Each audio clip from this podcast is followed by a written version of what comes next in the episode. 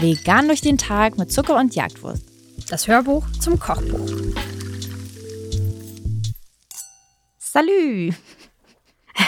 Ja, ich musste, ich musste ähm, direkt an die, die kleine Maus denken. Remy, Oh, natürlich. du weißt den Namen noch. Na Wow. sicher, schaut an Remy, unseren Ratatouille-Held. natürlich erinnere ich mich an Remy. Er hat dieses Rezept entwickelt. Nein, natürlich nicht. Aber es gibt Ratatouille heute bei uns. Und ihr habt anscheinend auch Interesse daran. Ähm, vielleicht kennt ihr das Rezept ja aus ähm, eurem Urlaub in der Provence in Frankreich. Dort, wo Ratatouille herkommt. Ähm, ich liebe dieses Essen. Aber es ist ein Rezept, das ich nur im Sommer machen würde.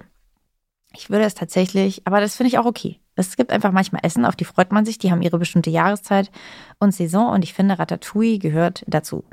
Es gibt ja genug ähnliche Arten von Rezepten, die man vielleicht auch im Winter machen kann, aber ich finde, für ein Ratatouille braucht man sehr aromatische Zutaten und Zeit und that's it eigentlich. Danach braucht es nicht viel Schnickschnack. Ich finde, das bezieht sich sehr viel auf das Beste vom Gemüse, das man im Sommer bekommt.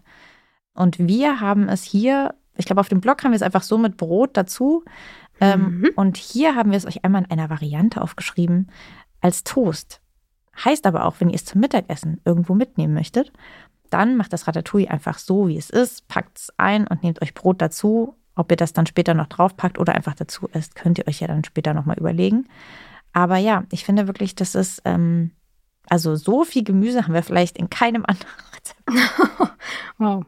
Was ich jetzt aber ähm, gerade denke, wo ich das Bild sehe und drüber nachdenke, glaubst du nicht auch, dass man auch eine schöne Herbstvariante mit Kürbis machen könnte? Ich kann mir das auch mit Kürbis, rote Beete. Ich kann mir das tatsächlich auch sehr gut im Herbst vorstellen. Das stimmt. Wenn ihr einiges von dem Gemüse austauscht, schon. Und ich würde dann, glaube ich, ganze Tomaten aus der Dose nehmen. Mhm. Das könnte hinhauen. Das stimmt. Da hast du recht. Zwiebeln gehen natürlich sowieso, Knoblauch und so weiter. Das stimmt. Also ihr könnt jetzt vielleicht dann doch saisonal anpassen. Aber ja, ich würde euch dann wirklich nicht empfehlen, den irgendeine. Form von frischen Tomaten zu nehmen. Denn die Tomaten sind ja so ein bisschen die Basis zusammen mit den Paprika, die im Originalrezept oder traditionell auch gehäutet werden. Das haben wir nicht gemacht, um uns die Arbeit ein bisschen zu ersparen. Und ehrlich gesagt finde ich, es macht keinen großen Unterschied. Ja. Deswegen, ihr könnt es natürlich machen, müsst ihr aber auch nicht. Ähm, ja, und ähm, der Remy wäre bestimmt stolz auf dich, auf deine Abwandlung, die du hier hast. Also vielleicht könnt ihr es zu einem Herbstrezept noch umtauschen.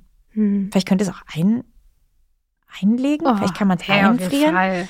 Nee, man kann das bestimmt vielleicht auch ein bisschen einwecken, wenn man das Mhm. heiß in ein sauberes Glas füllt. Gedacht. Probiert es mal aus und schreibt uns bitte, wie es geworden ist. Ich habe es nie probiert. Ähm, aber ich habe noch eine weitere Frage an dich, Julia. Und zwar, ähm, wenn ich das jetzt serviere, ist das portionsbedingt eher eine Vorspeise oder ist das schon was, was einem Abend richtig sättigt? Ist das für dich eine Hauptspeise? Also ich würde schon sagen, es kommen ja sechs Stück raus. Damit meine ich sechs dieser Art von Brotscheiben, Mhm. die ihr hier seht. Und dann könnt ihr überlegen, wenn das heute ein Tag ist, an dem ihr sechs Brote esst, dann ist es eine Hauptspeise.